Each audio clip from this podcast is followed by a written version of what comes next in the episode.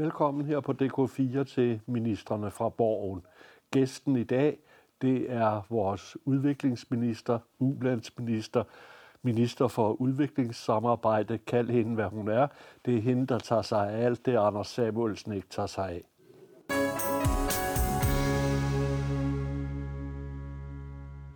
Ulla Tørnes, en gang var det for mig at se, som om der var et enormt folkeligt, ikke mindst blandt ungdommen, et enormt engagement i ulandssamarbejdet. Jeg føler det lidt som om, at øh, det engagement er forsvundet lidt, at øh, ulandsbistanden er bare en post på finansloven, ligesom andre poster. Har du det på samme måde? Nej, sådan har jeg det ikke helt. Det er rigtigt, hvis vi ser sådan meget øh, selektivt på de forskellige målinger, som laves, så ligger der sådan, hvad kan man sige, en, øh, en opbakning svarende til omkring 60 procent af danskerne, og det har ligget stabilt i en del år faktisk. Men jeg oplever det sådan, at der er nye områder, nye dele af det danske samfund, som er enormt optaget af øh, globalt ansvar. Øh, hvad er det, Danmark kan bidrage med, når, når det handler om bæredygtig udvikling? Det er der hos unge, Øh, der er virkelig, virkelig stor interesse, og der er også, oplever jeg, heldigvis en stadig voksende interesse hos dansk erhvervsliv til at byde ind og være med til at løse nogle af de globale udfordringer, som vi står overfor. Så øh, ja og nej. Det er rigtigt, hvis vi kigger på øh, opbakningen i procent, sådan målt meget øh, kontant, så, så har det ligget på de der 60 procent øh, igennem en del år. Jo, men en gang var det sådan, at ligefrem hver gang vi tog et nyt land med ind som bistandsmodtager, så blev der skrevet bøger om det land. Der blev vist, der var kulturarrangementer om det land. Altså, jeg kan huske noget, Tanzania kan selv og sådan noget. Det er der ikke rigtig mere. Ej, der er stadigvæk en, en synes jeg, øh, bred øh, øh, folkelig opbakning og også, hvad kan man sige, forankring hos, øh, hos store dele af det danske samfund til det, som vi laver derude.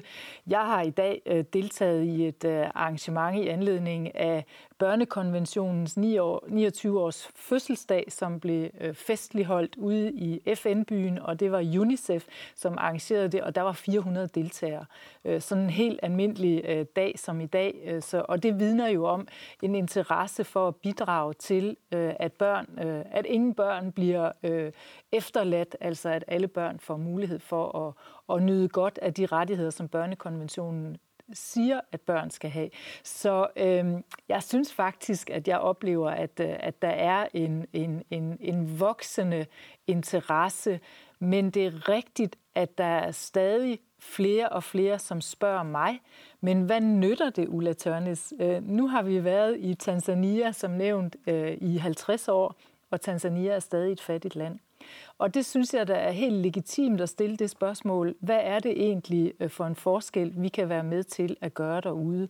Men tro mig, øh, man kan bare tage derud, så kan man se, at vi faktisk er med til at gøre en forskel. Øh, det er vi ude på landeniveau, og det er vi også internationalt i FN-sammenhæng, i Verdensbanken og i andre internationale organisationer. For 50 år siden, øh, da ulandsbistanden blev til, øh, eller rettere, da vi begyndte som land og yde andre lande ulandsbistand. For ulandsbistanden før det, før de 50 år, det blev altid ydet igennem internationale organisationer, mm. men så begyndte landene at, at give hinanden. Øh, før det, der, eller dengang, der tegnede der sig hurtigt to skoler inden for ulandsbistand.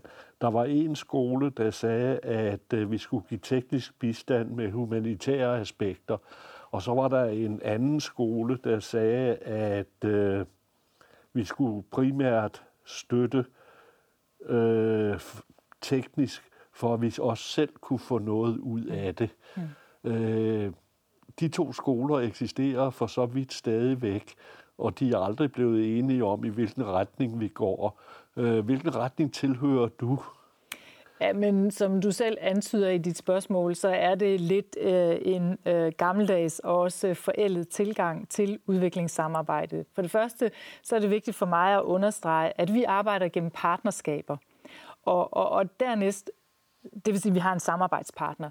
Dernæst så er det ikke mindst vigtigt for mig at understrege, at øh, det med de 17 verdensmål, som blev vedtaget i New York i FN i 2015, der er det understreget, at den her opgave kan man ikke løse alene gennem udviklingsbistand, og derfor skal vi have alle med. Altså, vi skal have den private sektor med, det vil sige erhvervslivet. Øh, vi skal have organisationer og institutioner med. Så hvor man førhen tænkte, at det skal vi lige øh, fikse gennem skatteyderfinansieret udviklingsbistand, det er en tankegang, som vi har forladt øh, fordi vi ved, at det kan vi ikke løse alene med skatteydermidler. Vi er nødt til at bane vejen for, at øh, øh, den private sektor kan være med.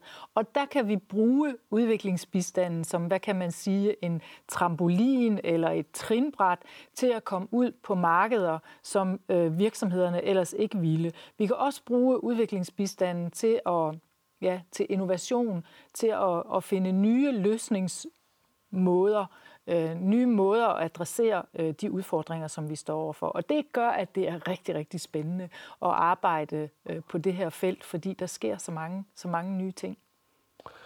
Så svaret på dit spørgsmål er, at jeg synes, det er en gammeldags måde at se det på, og, og, og vi er faktisk blevet øh, rigtig gode til at bruge udviklingsbistanden som katalysator for øh, blandt andet øh, danske virksomheder.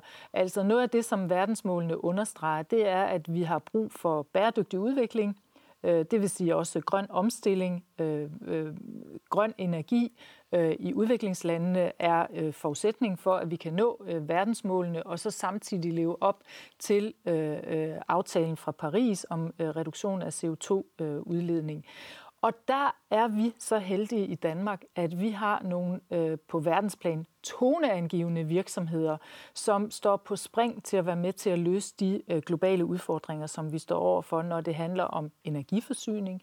Der har vi vores øh, vindmøller.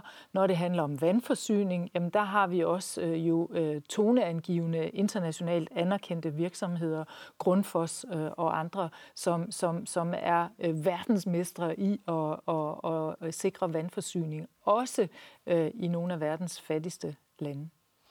Det kan godt være, at det lyder som lidt af en utopi, men alt det her med, at vi giver ulandsbistand, jeg tror, det er for cirka 16 milliarder kroner ja, om året.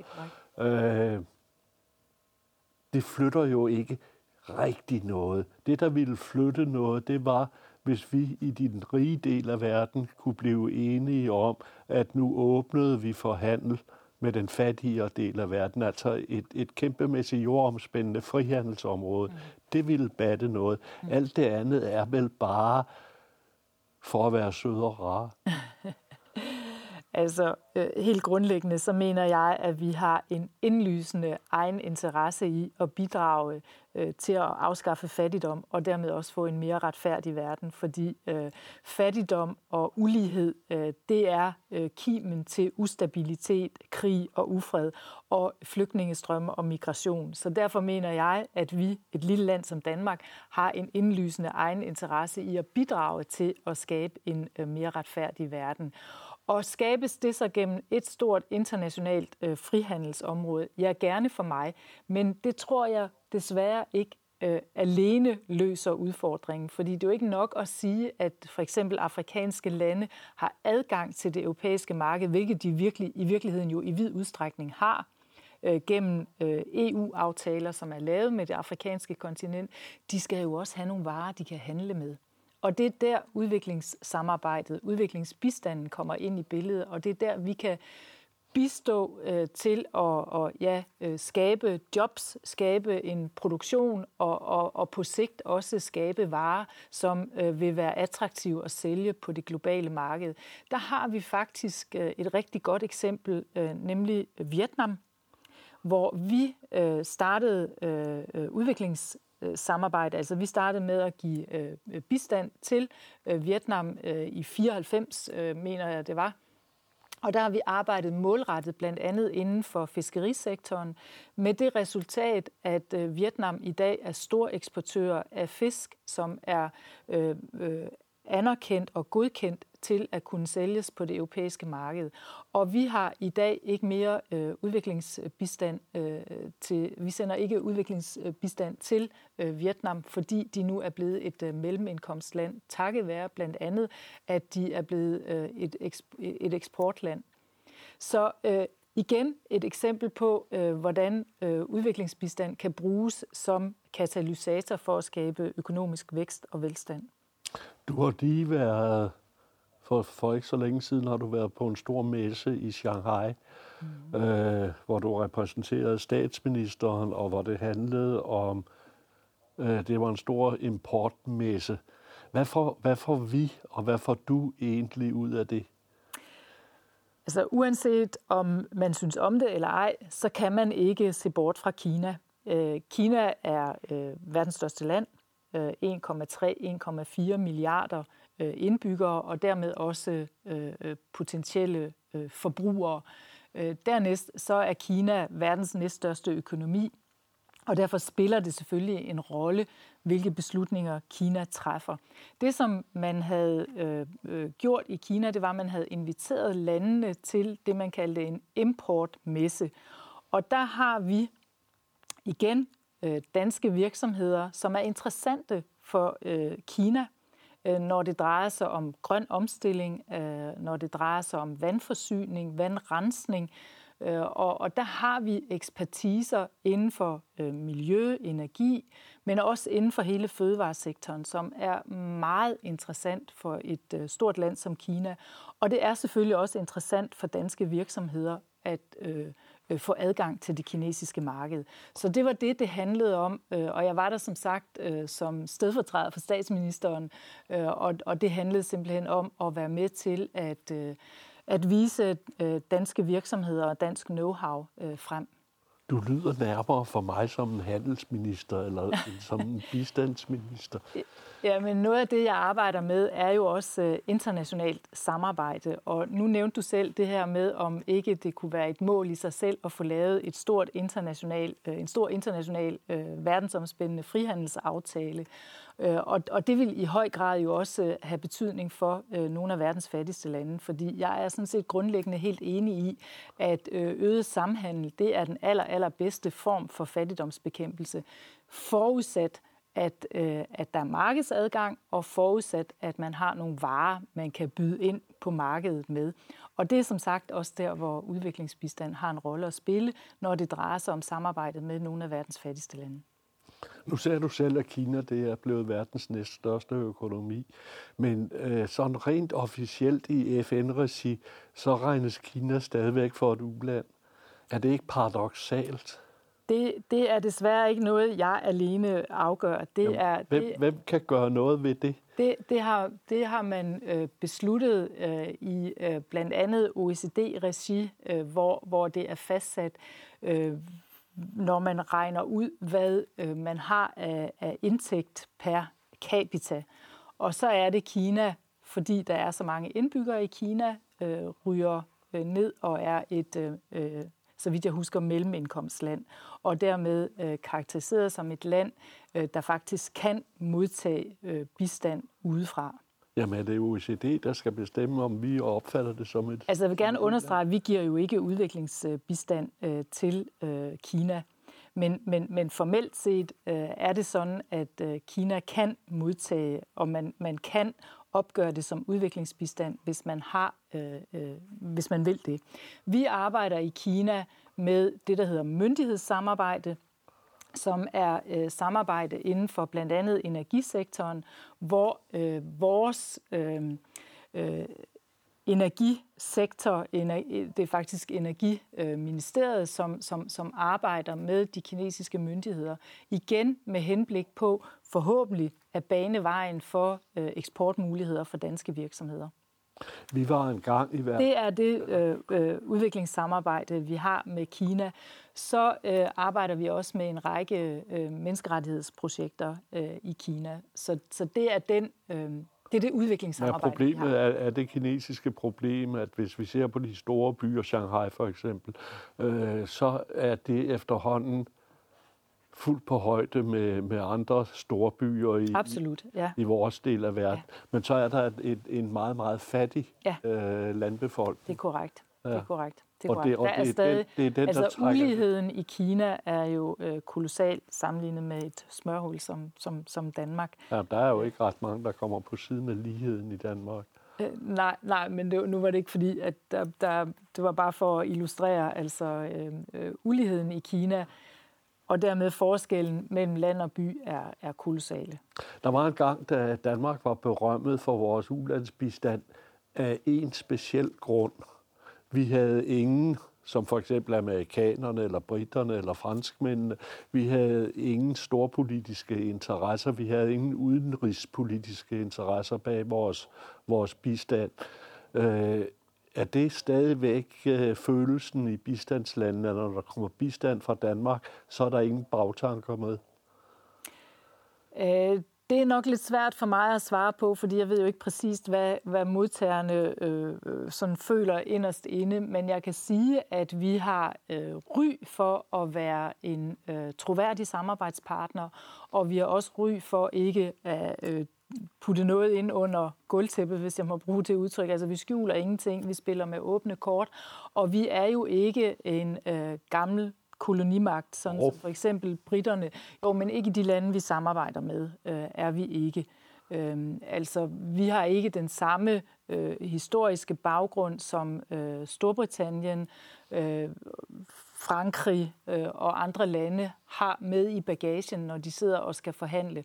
Og derfor er der også mange lande, der rigtig gerne vil samarbejde med os, fordi de netop ikke sidder over for en gammel kolonimagt, når de sidder over for os og alle de besværligheder, som det kan indebære øh, for parterne, når, når det er det, der er situationen. Der ligger i og for sig, du burde jo i og for sig slet ikke sidde her. Nå, Jamen, du har ellers inviteret for, for, mig. for hvis vi tager ulandsbistandens historie i Danmark, øh, så skulle vi slet ikke have haft en ulandsminister. Ulandsbistanden blev til på den måde, at øh, i 1961 der sendte Dagbladet Aktuelt en stor artikel på gaden, som, øh, hvor, hvor aktuelt, der var den socialdemokratiske avis, foreslog, at Danmark adopterede et uland. Øh, der var ingen kilder til artiklen, men på den måde, den var skrevet på, der kunne man forstå, at øh, det var højt op i regeringssystemet, at den idé var forstået. Og det viste sig da også hurtigt et par dage efter, at det var statsminister Viggo Kampmann, der havde fået ideen. Øh, han forestillede sig, at øh, med den folkelige interesse, der var for ulandsbistanden, så skulle man samle et råd af det, vi i dag kalder NGO'er, og de skulle have en pose penge og fordele, og det udenrigsministeren skulle, det var egentlig bare at skrive under på, at nu blev den og den bevilling givet. Og det passede Jens Otto Krav, der var udenrigsminister, det passede ham i og for sig meget godt, for var der noget Krav ikke interesserede sig for, så var det ulande. Folketinget protesterede, for det betød, at ret mange penge havde de ikke nogen kontrol over længere. Så forhandlingerne var lige ved at bryde sammen, men så satte Socialdemokraten Edel Saunde og Venstres store udenrigspolitiker på det tidspunkt. Han var dengang i klasse med det, vi har oplevet med Uffe Ellemann Jensen, vel måske den største udenrigsminister, Venstre har haft, nemlig Per Federspil. De satte sig sammen, og så dannede de det, der blev til Danida, eller senere blev kendt som Danida. Så egentlig skulle du jo bare skrive under på tingene. I dag hvor meget blander Folketinget sig? Der er stadigvæk den regel, at du har en post på finansloven, der siger 16 milliarder, og hver gang du får en idé, så skal den bare godkendes i finansudvalget. Hvor meget blander udlands, øh, for, øh, udvalget, udenrigsudvalget i Folketinget, hvor meget blander de sig i dit arbejde? Jeg forsøger at have øh, så tæt en dialog med Folketingets udenrigsudvalg øh, som overhovedet muligt, og øh, for øh, øh, to år siden, øh, i januar øh, 2017, knap to år siden, der lavede vi faktisk en øh, fælles strategi, øh, og på baggrund af den fælles strategi, hvor vi altså har skitseret, hvad det er for prioriteter, vi vil arbejde ud fra, der lavede vi også et forlig.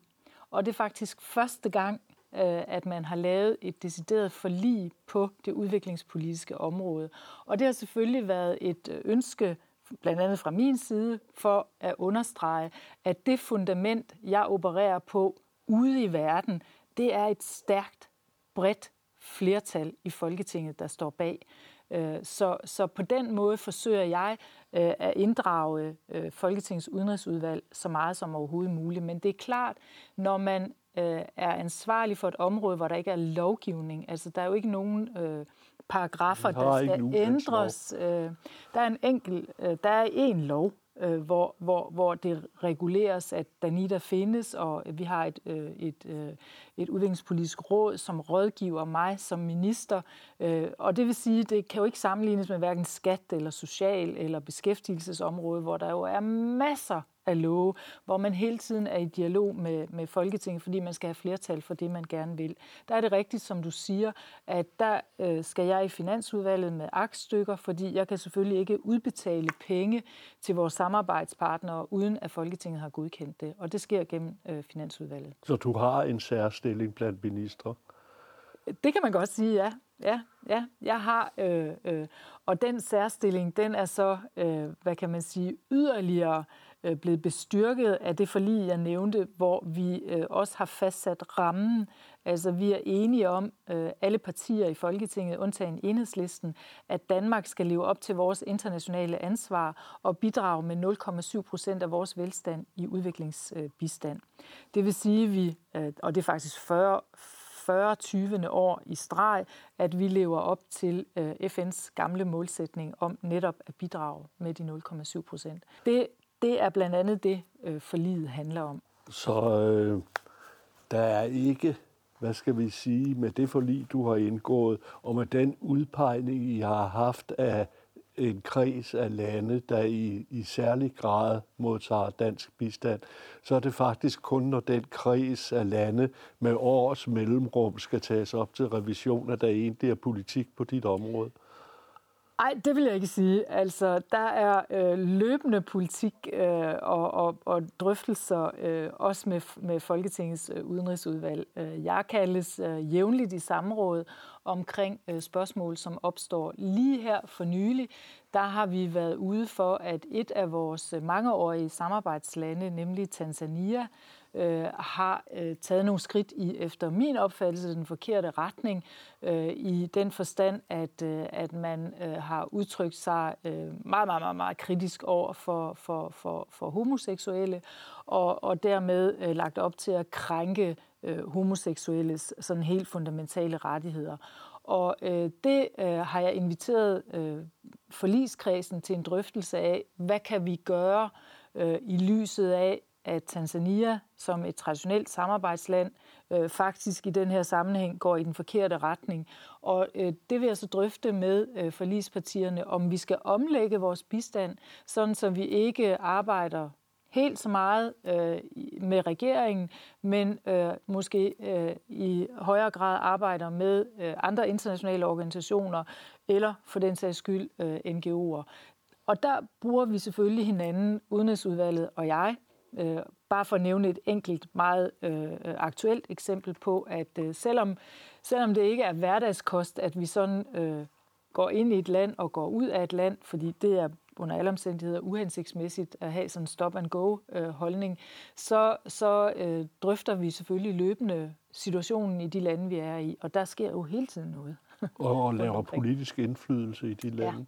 Ja, ja, ja præcis. Er der ikke nogen lande, der synes, at, at det er for meget? Jo, det tror jeg måske øh, rigtig mange lande vil, tænker, at åh, hvor er det dog irriterende, at øh, de kommer der og, og, og udtrykker deres øh, synspunkter, men, øh, men, men selvfølgelig øh, stiller vi krav til vores øh, samarbejdspartnere, øh, ellers så kan vi ikke være der. Øh, jeg kan jo ikke bare lukke øjnene og udbetale danske skattekroner rundt omkring i verden, alt efter hvem der måske smiler Øh, bedst til mig, eller, eller, eller hvad.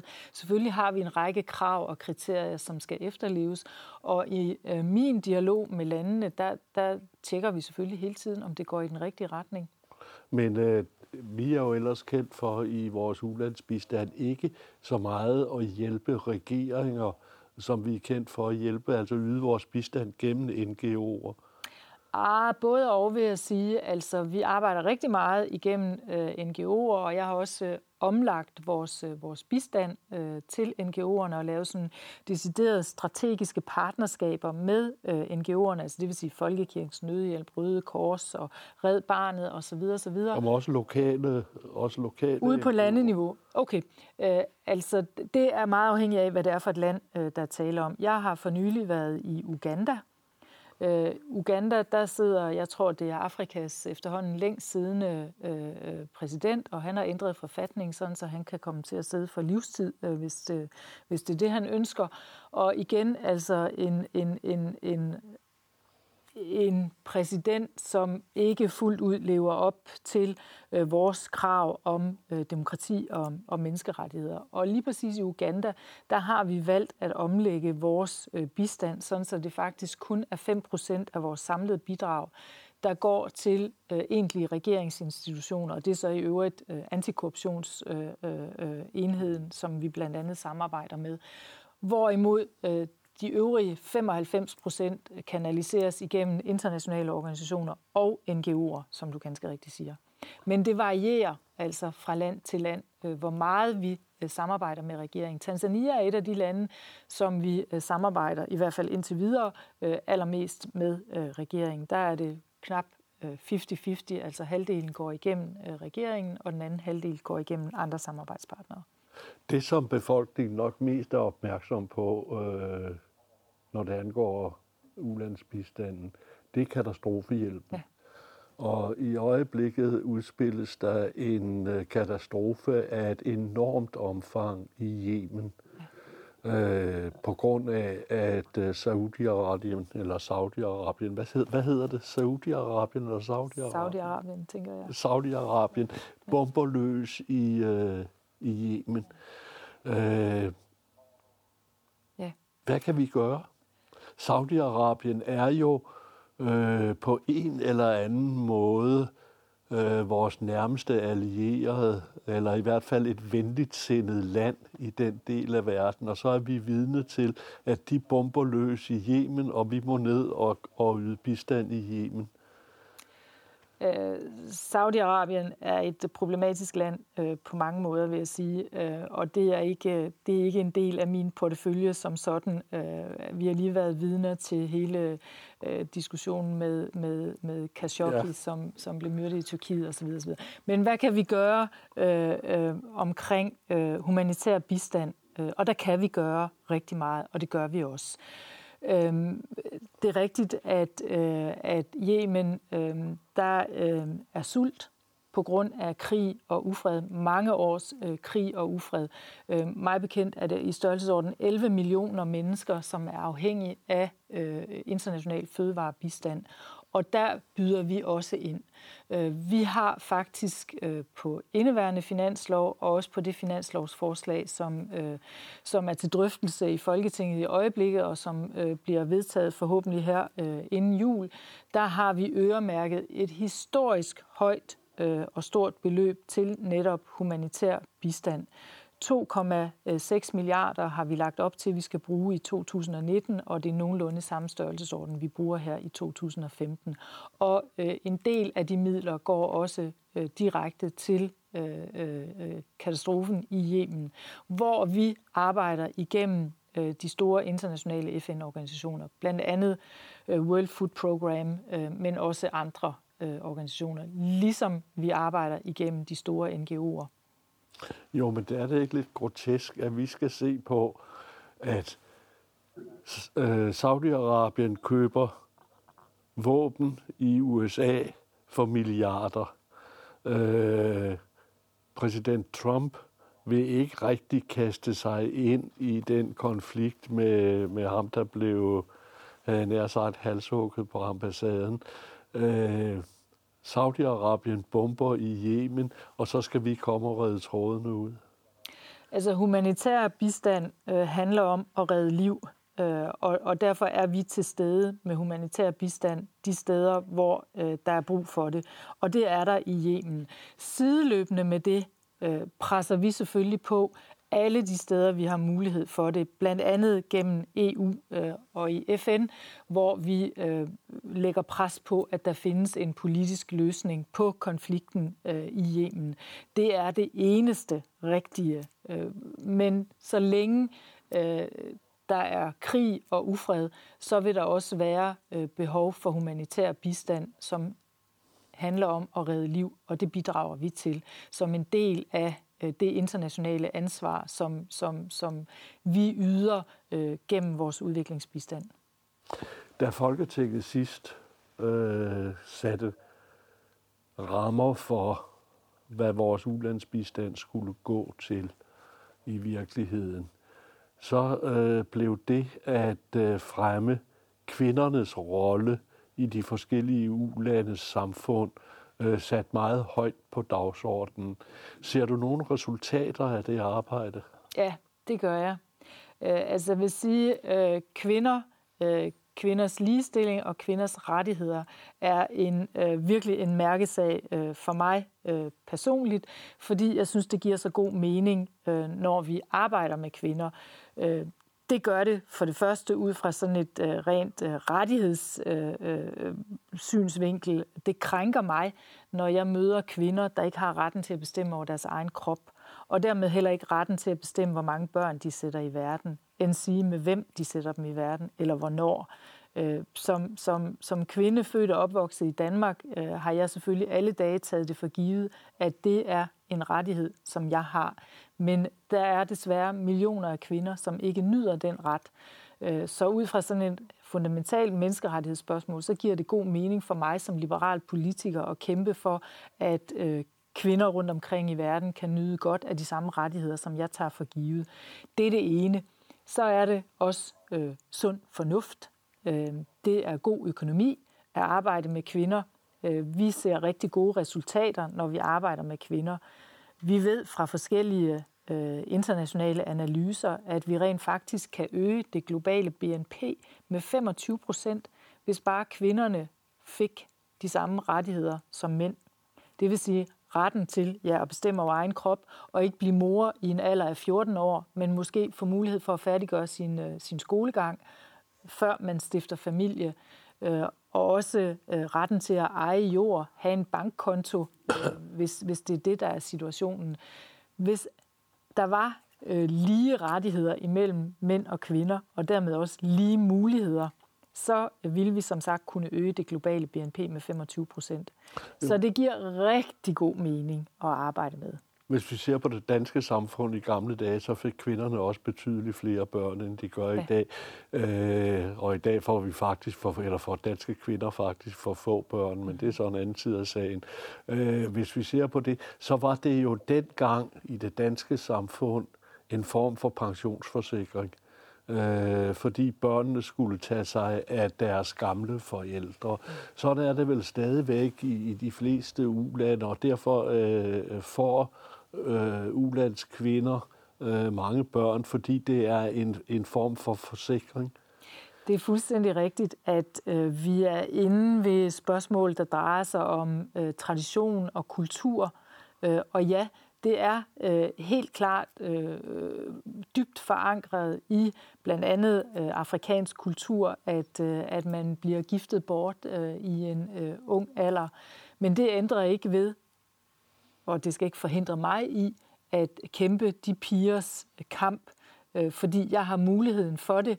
Jeg har muligheden for at sige de her ting øh, i FN eller, eller i andre internationale fora, fordi jeg mener, det er forkert. Jeg mener, det er forkert, at en pige øh, helt ned til 9-10 år bliver giftet bort til typisk en mand, som er ældre end hende selv, og hun så øh, øh, som konsekvens deraf også bliver gravid i alt, alt, alt, alt for ung en alder ofte sker der det, at øh, pigekroppen slet ikke er færdigudviklet til at kunne bære en graviditet, og derfor ser vi også stadigvæk alt for mange kvinder miste livet, enten i forbindelse med graviditet eller i forbindelse med fødsel, fordi kroppen simpelthen ikke er udviklet til det. Jeg synes, at piger i øh, verdens fattigste lande skal have lov til at være børn, ligesom piger er det i vores del af verden. De skal ikke være brude eller mødre, øh, øh før de er udviklet til det. Det er, jo, det, det er en meget humanistisk indstilling at have til det. Øh, men oplev... Det er en humanistisk, og det er en super fornuftig indstilling, fordi det er den måde, hvorpå vi også kan skabe økonomisk udvikling. Øh, det kan vi også i de lande, det her drejer sig om. Det er klart, at det gør en forskel for en piges mulighed for at bidrage til udviklingen af sit samfund, om hun bliver gravid som 13-14-årig og måske øh, føder 10-12 øh, børn, eller hun får mulighed for at færdiggøre sin skolegang, og som måske føder øh, noget færre børn, og i øvrigt har mulighed for at tage sig bedre af de børn, hun så øh, sætter i verden, deres sundhed, øh, deres øh, muligheder for at kunne begå sig. Jo, føler de lande, de kulturer, du kommer til der, og også kvinderne i de kulturer, du kommer til der. Ikke at vi kommer som en slags øh, øh, kulturelle imperialister. Jeg har faktisk endnu ikke mødt øh, mødre til 10-12 børn, øh, som selv har ønsket at sætte så mange børn i verden. Øh, de siger alle, det er det budskab, de typisk sender mig, at hvis bare vi havde øh, mulighed for at øh, kunne beskytte os øh, mod graviditet, så ville vi gerne det. Så adgangen til øh, prævention, adgangen til at beskytte sig mod uønsket graviditet, er et rigtig, rigtig vigtigt element i dansk udviklingsbistand. Det er det af hensyn til den enkelte kvinde og hendes muligheder for at kunne bidrage til den økonomiske udvikling og dermed velstand, men det er det også i lyset af den befolkningstilvækst, som vi er vidne til i visse dele af Afrika, som er en kæmpe udfordring. Nu, nu taler vi meget om Afrika, og, og når vi taler om Afrika, så mener vi Afrika syd for Sahara. Øh, men i virkeligheden øh, er vores engagement vel i, i den del af verden faldet til fordel for engagementet med, med mellemlandene øh, i, i Asien?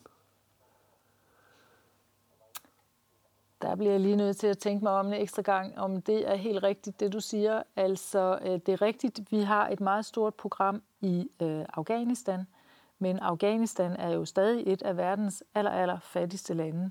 Så er vi i øh, Myanmar, og vi er i Bangladesh. Og det er rigtigt, Bangladesh har en ambition om øh, inden for, jeg tror det er de kommende 10 år, at blive et mellemindkomstland. Og der kommer vi også til at, at, at ændre vores øh, samarbejde med Bangladesh. Så summa summarum, altså vi har mest fokus på Afrika, fordi det er der behovene er størst. Og det er også der, vi har flest øh, samarbejdslande. Øh, men vi er også til stede i Asien, som du nævner, ja. Øh, jeg ved ikke, om du skal med, men et par af ministerne skal øh, i løbet af december måned øh, til Marrakesh og underskrive en migrationsaftale, som har affødt en hel del debat rundt om i Europa, og så småt også i Danmark.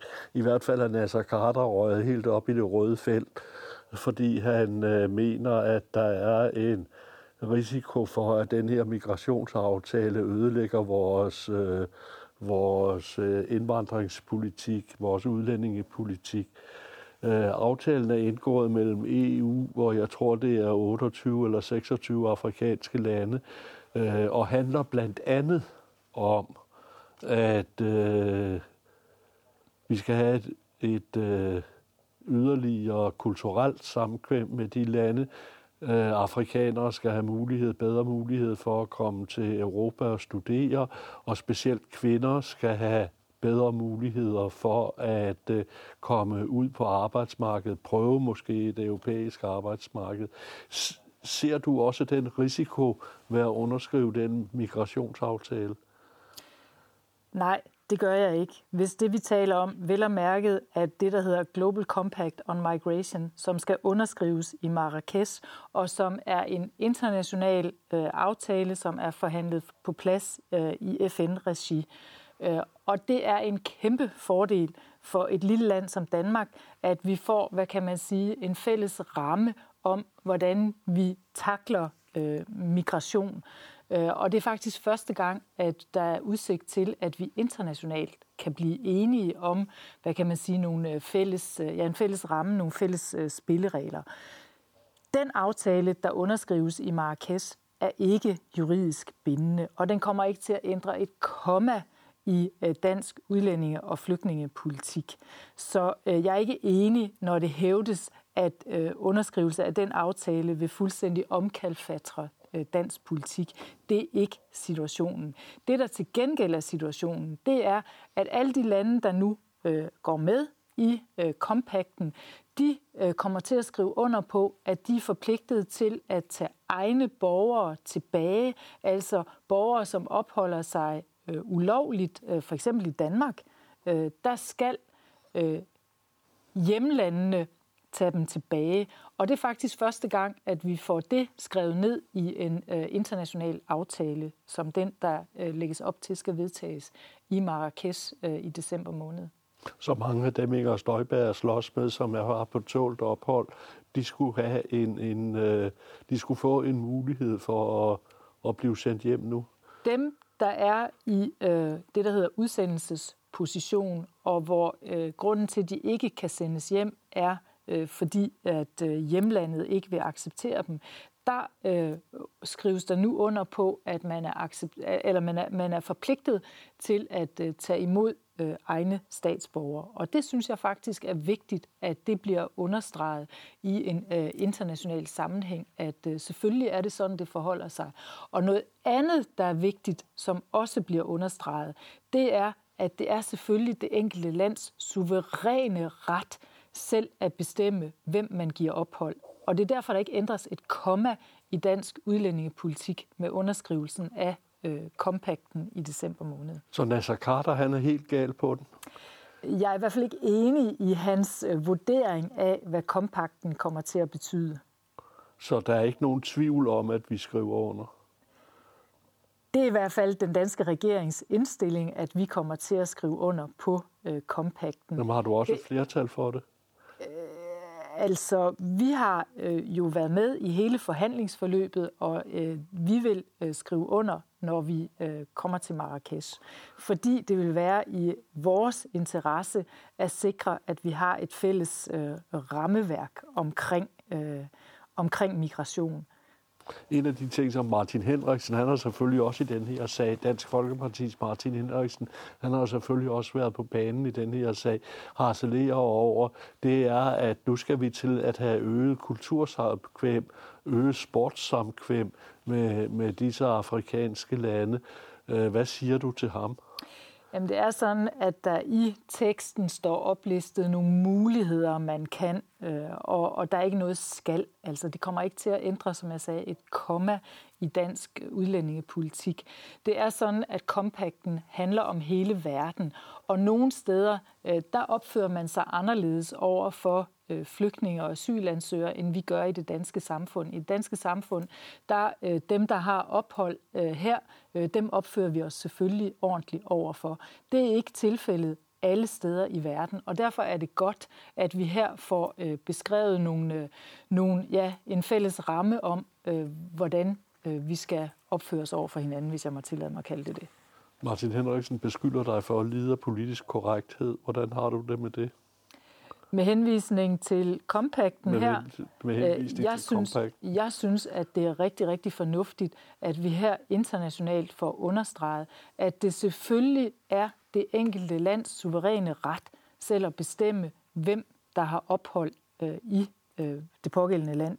Det vil sige, at det er Danmark, der selv bestemmer, hvem der får ophold i Danmark. Ligesom jeg synes, det er fornuftigt at få understreget, at lande selvfølgelig er forpligtet til at tage imod øh, øh afviste asylansøgere, altså øh, folk, som ikke har et lovligt opholdsgrundlag.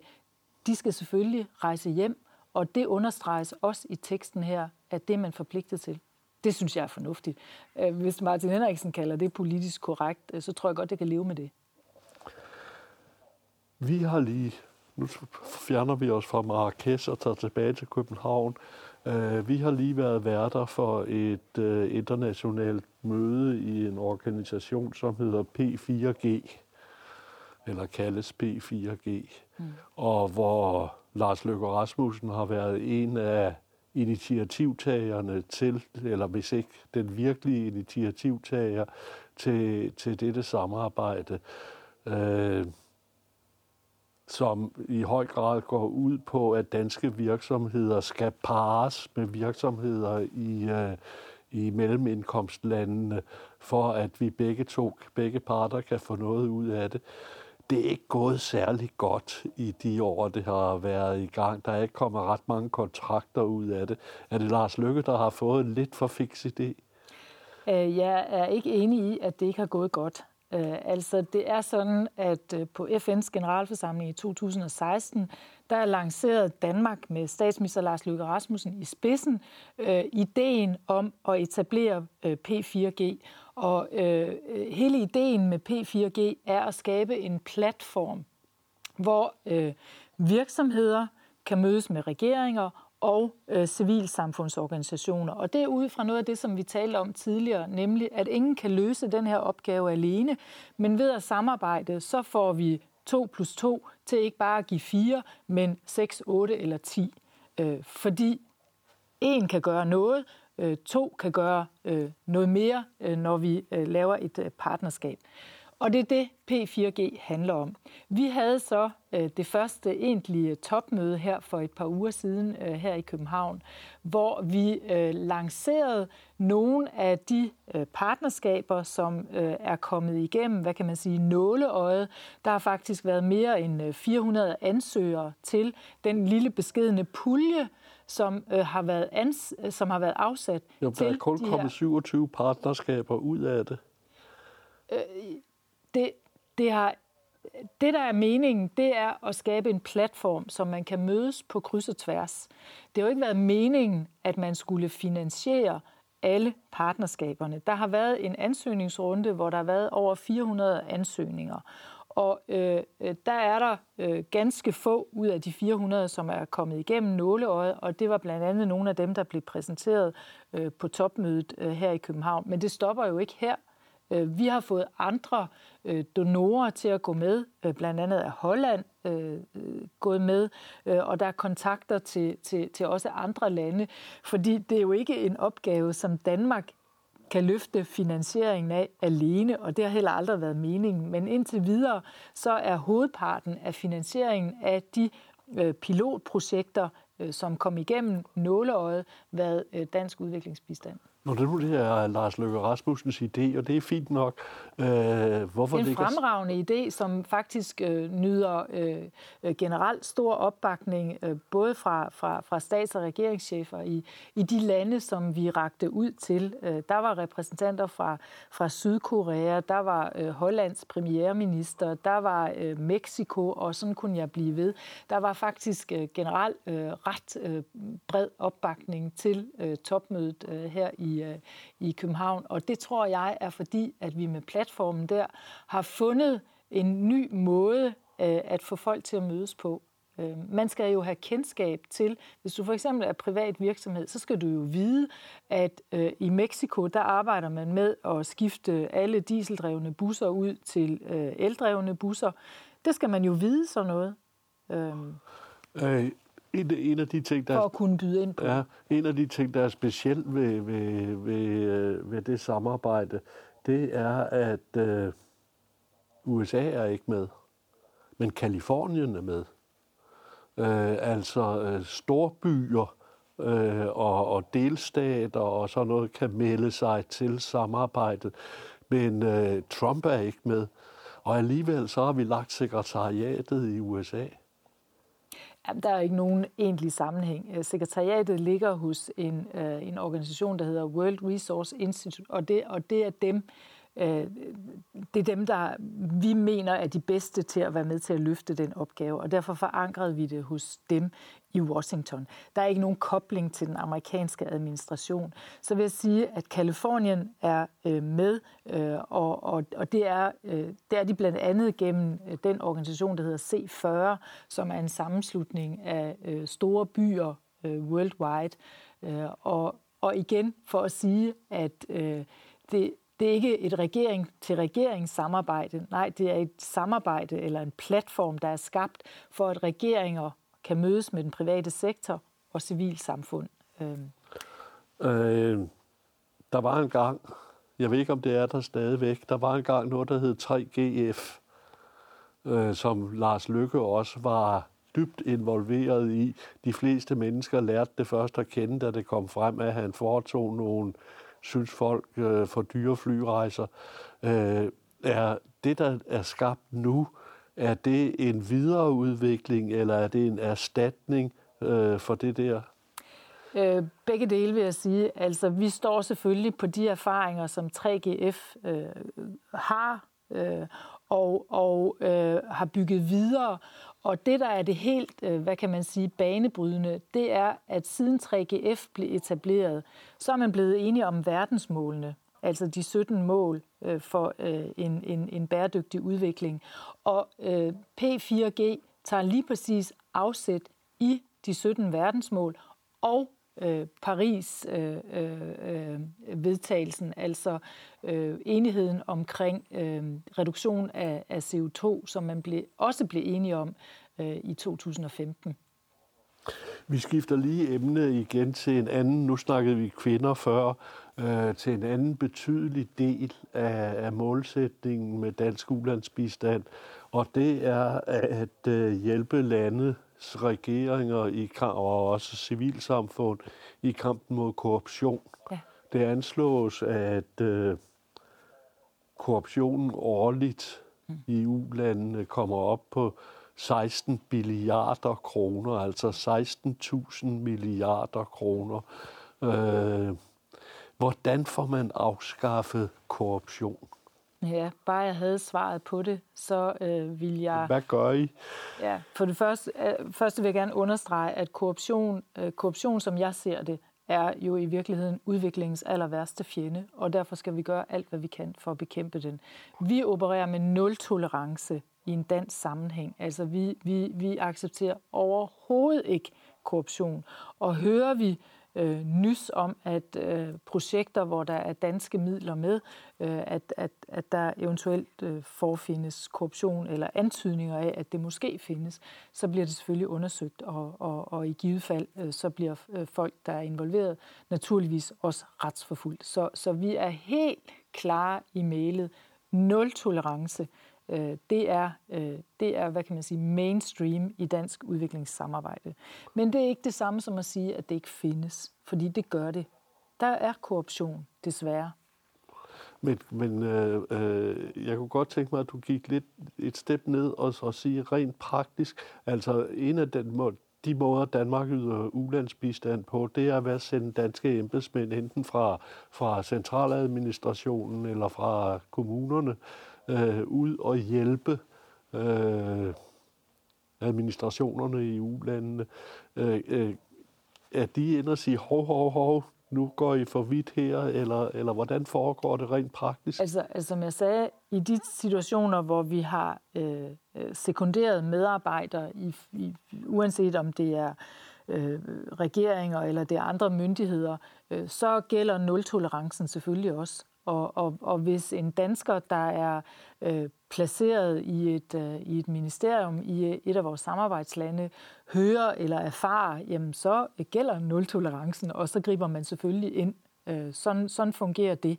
Men, men, men det er jo ikke alene igennem øh, danskere, der er placeret i, øh, hos myndigheder eller regeringer rundt omkring. Det er jo også når vi øh, laver kontrakter, altså når vi for eksempel er med til at, at, at bygge en skole eller en, en bro, eller hvad det nu måtte være, øh, jamen så skal vi være uhyre opmærksom på, når der er øh, licitationer, øh, udbud, øh, at, øh, at tingene foregår fuldstændig efter spillereglerne. Og derfor gør vi rigtig meget ud af at uddanne vores medarbejdere ude på ambassaderne i, hvad de skal være opmærksom på. Hvad er det for hvad er det for, øh, i, i hvilke situationer er det, man skal være særligt opmærksom på, at, øh, at der kan være risiko for korruption? Er det skræmmende ikke, at nogle af de lande, øh, nogle af de landes infrastruktur simpelthen ville bryde sammen, hvis øh, korruptionen ikke fandtes. Altså den menige politimands væsentligste indtægtskilde er ikke hans løn, det er det, han får øh, for lige at skrive en attest ud. Altså, det er ikke en begrundelse for mig til at kunne acceptere korruption, det du siger, men jeg ved, at det forekommer. Og det er derfor, vi arbejder med øh, landene øh, rigtig mange steder om at øh, opbygge for eksempel øh, skattestrukturer, sådan som man får en eller anden form for indtægt til staten, så man kan øh, levere de serviceydelser, som enhver borger i et hvilket som helst land jo har et eller andet form for krav på. Herunder at få udbetalt løn, hvis man øh, er offentligt ansat. Det er det lange seje træk. Men øh, udover at vi fik vedtaget verdensmålene og Paris-erklæringen øh, i øh, 2015, så fik vi faktisk også vedtaget på et øh, topmøde i øh, Addis Abeba, at modtagerlandene, altså de lande, som modtager bistand, de har også en forpligtelse til selv at øh, finansiere øh, ydelser. Og det, øh, det er man jo nødt til at have en eller anden form for indtægt for at kunne gøre. Og der er øh, opbygning af skattesystemer rundt omkring i vores samarbejdslande et rigtig, rigtig vigtigt øh, område. Det arbejder vi med Verdensbanken om, men vi arbejder også bilateralt i blandt andet Ghana og, og, og også Tanzania. Det kunne være, at Carsten Lauritsen Ja, jeg har hjælp. faktisk... Ja, men, men, men det skal Godt. du ikke... Nej, det skal du ikke... Må jeg ikke lige sige, det skal du ikke grine af. Jeg har været på øh, fælles øh, besøg i Ghana med Carsten Lauritsen for netop at udveksle erfaringer omkring øh, opbygning af et skattesystem. Og der må man jo sige, der har Carsten Lauritsen visse erfaringer at have med sig. Godt. Tak skal du have, Ulla, fordi du kom. Velbekomme.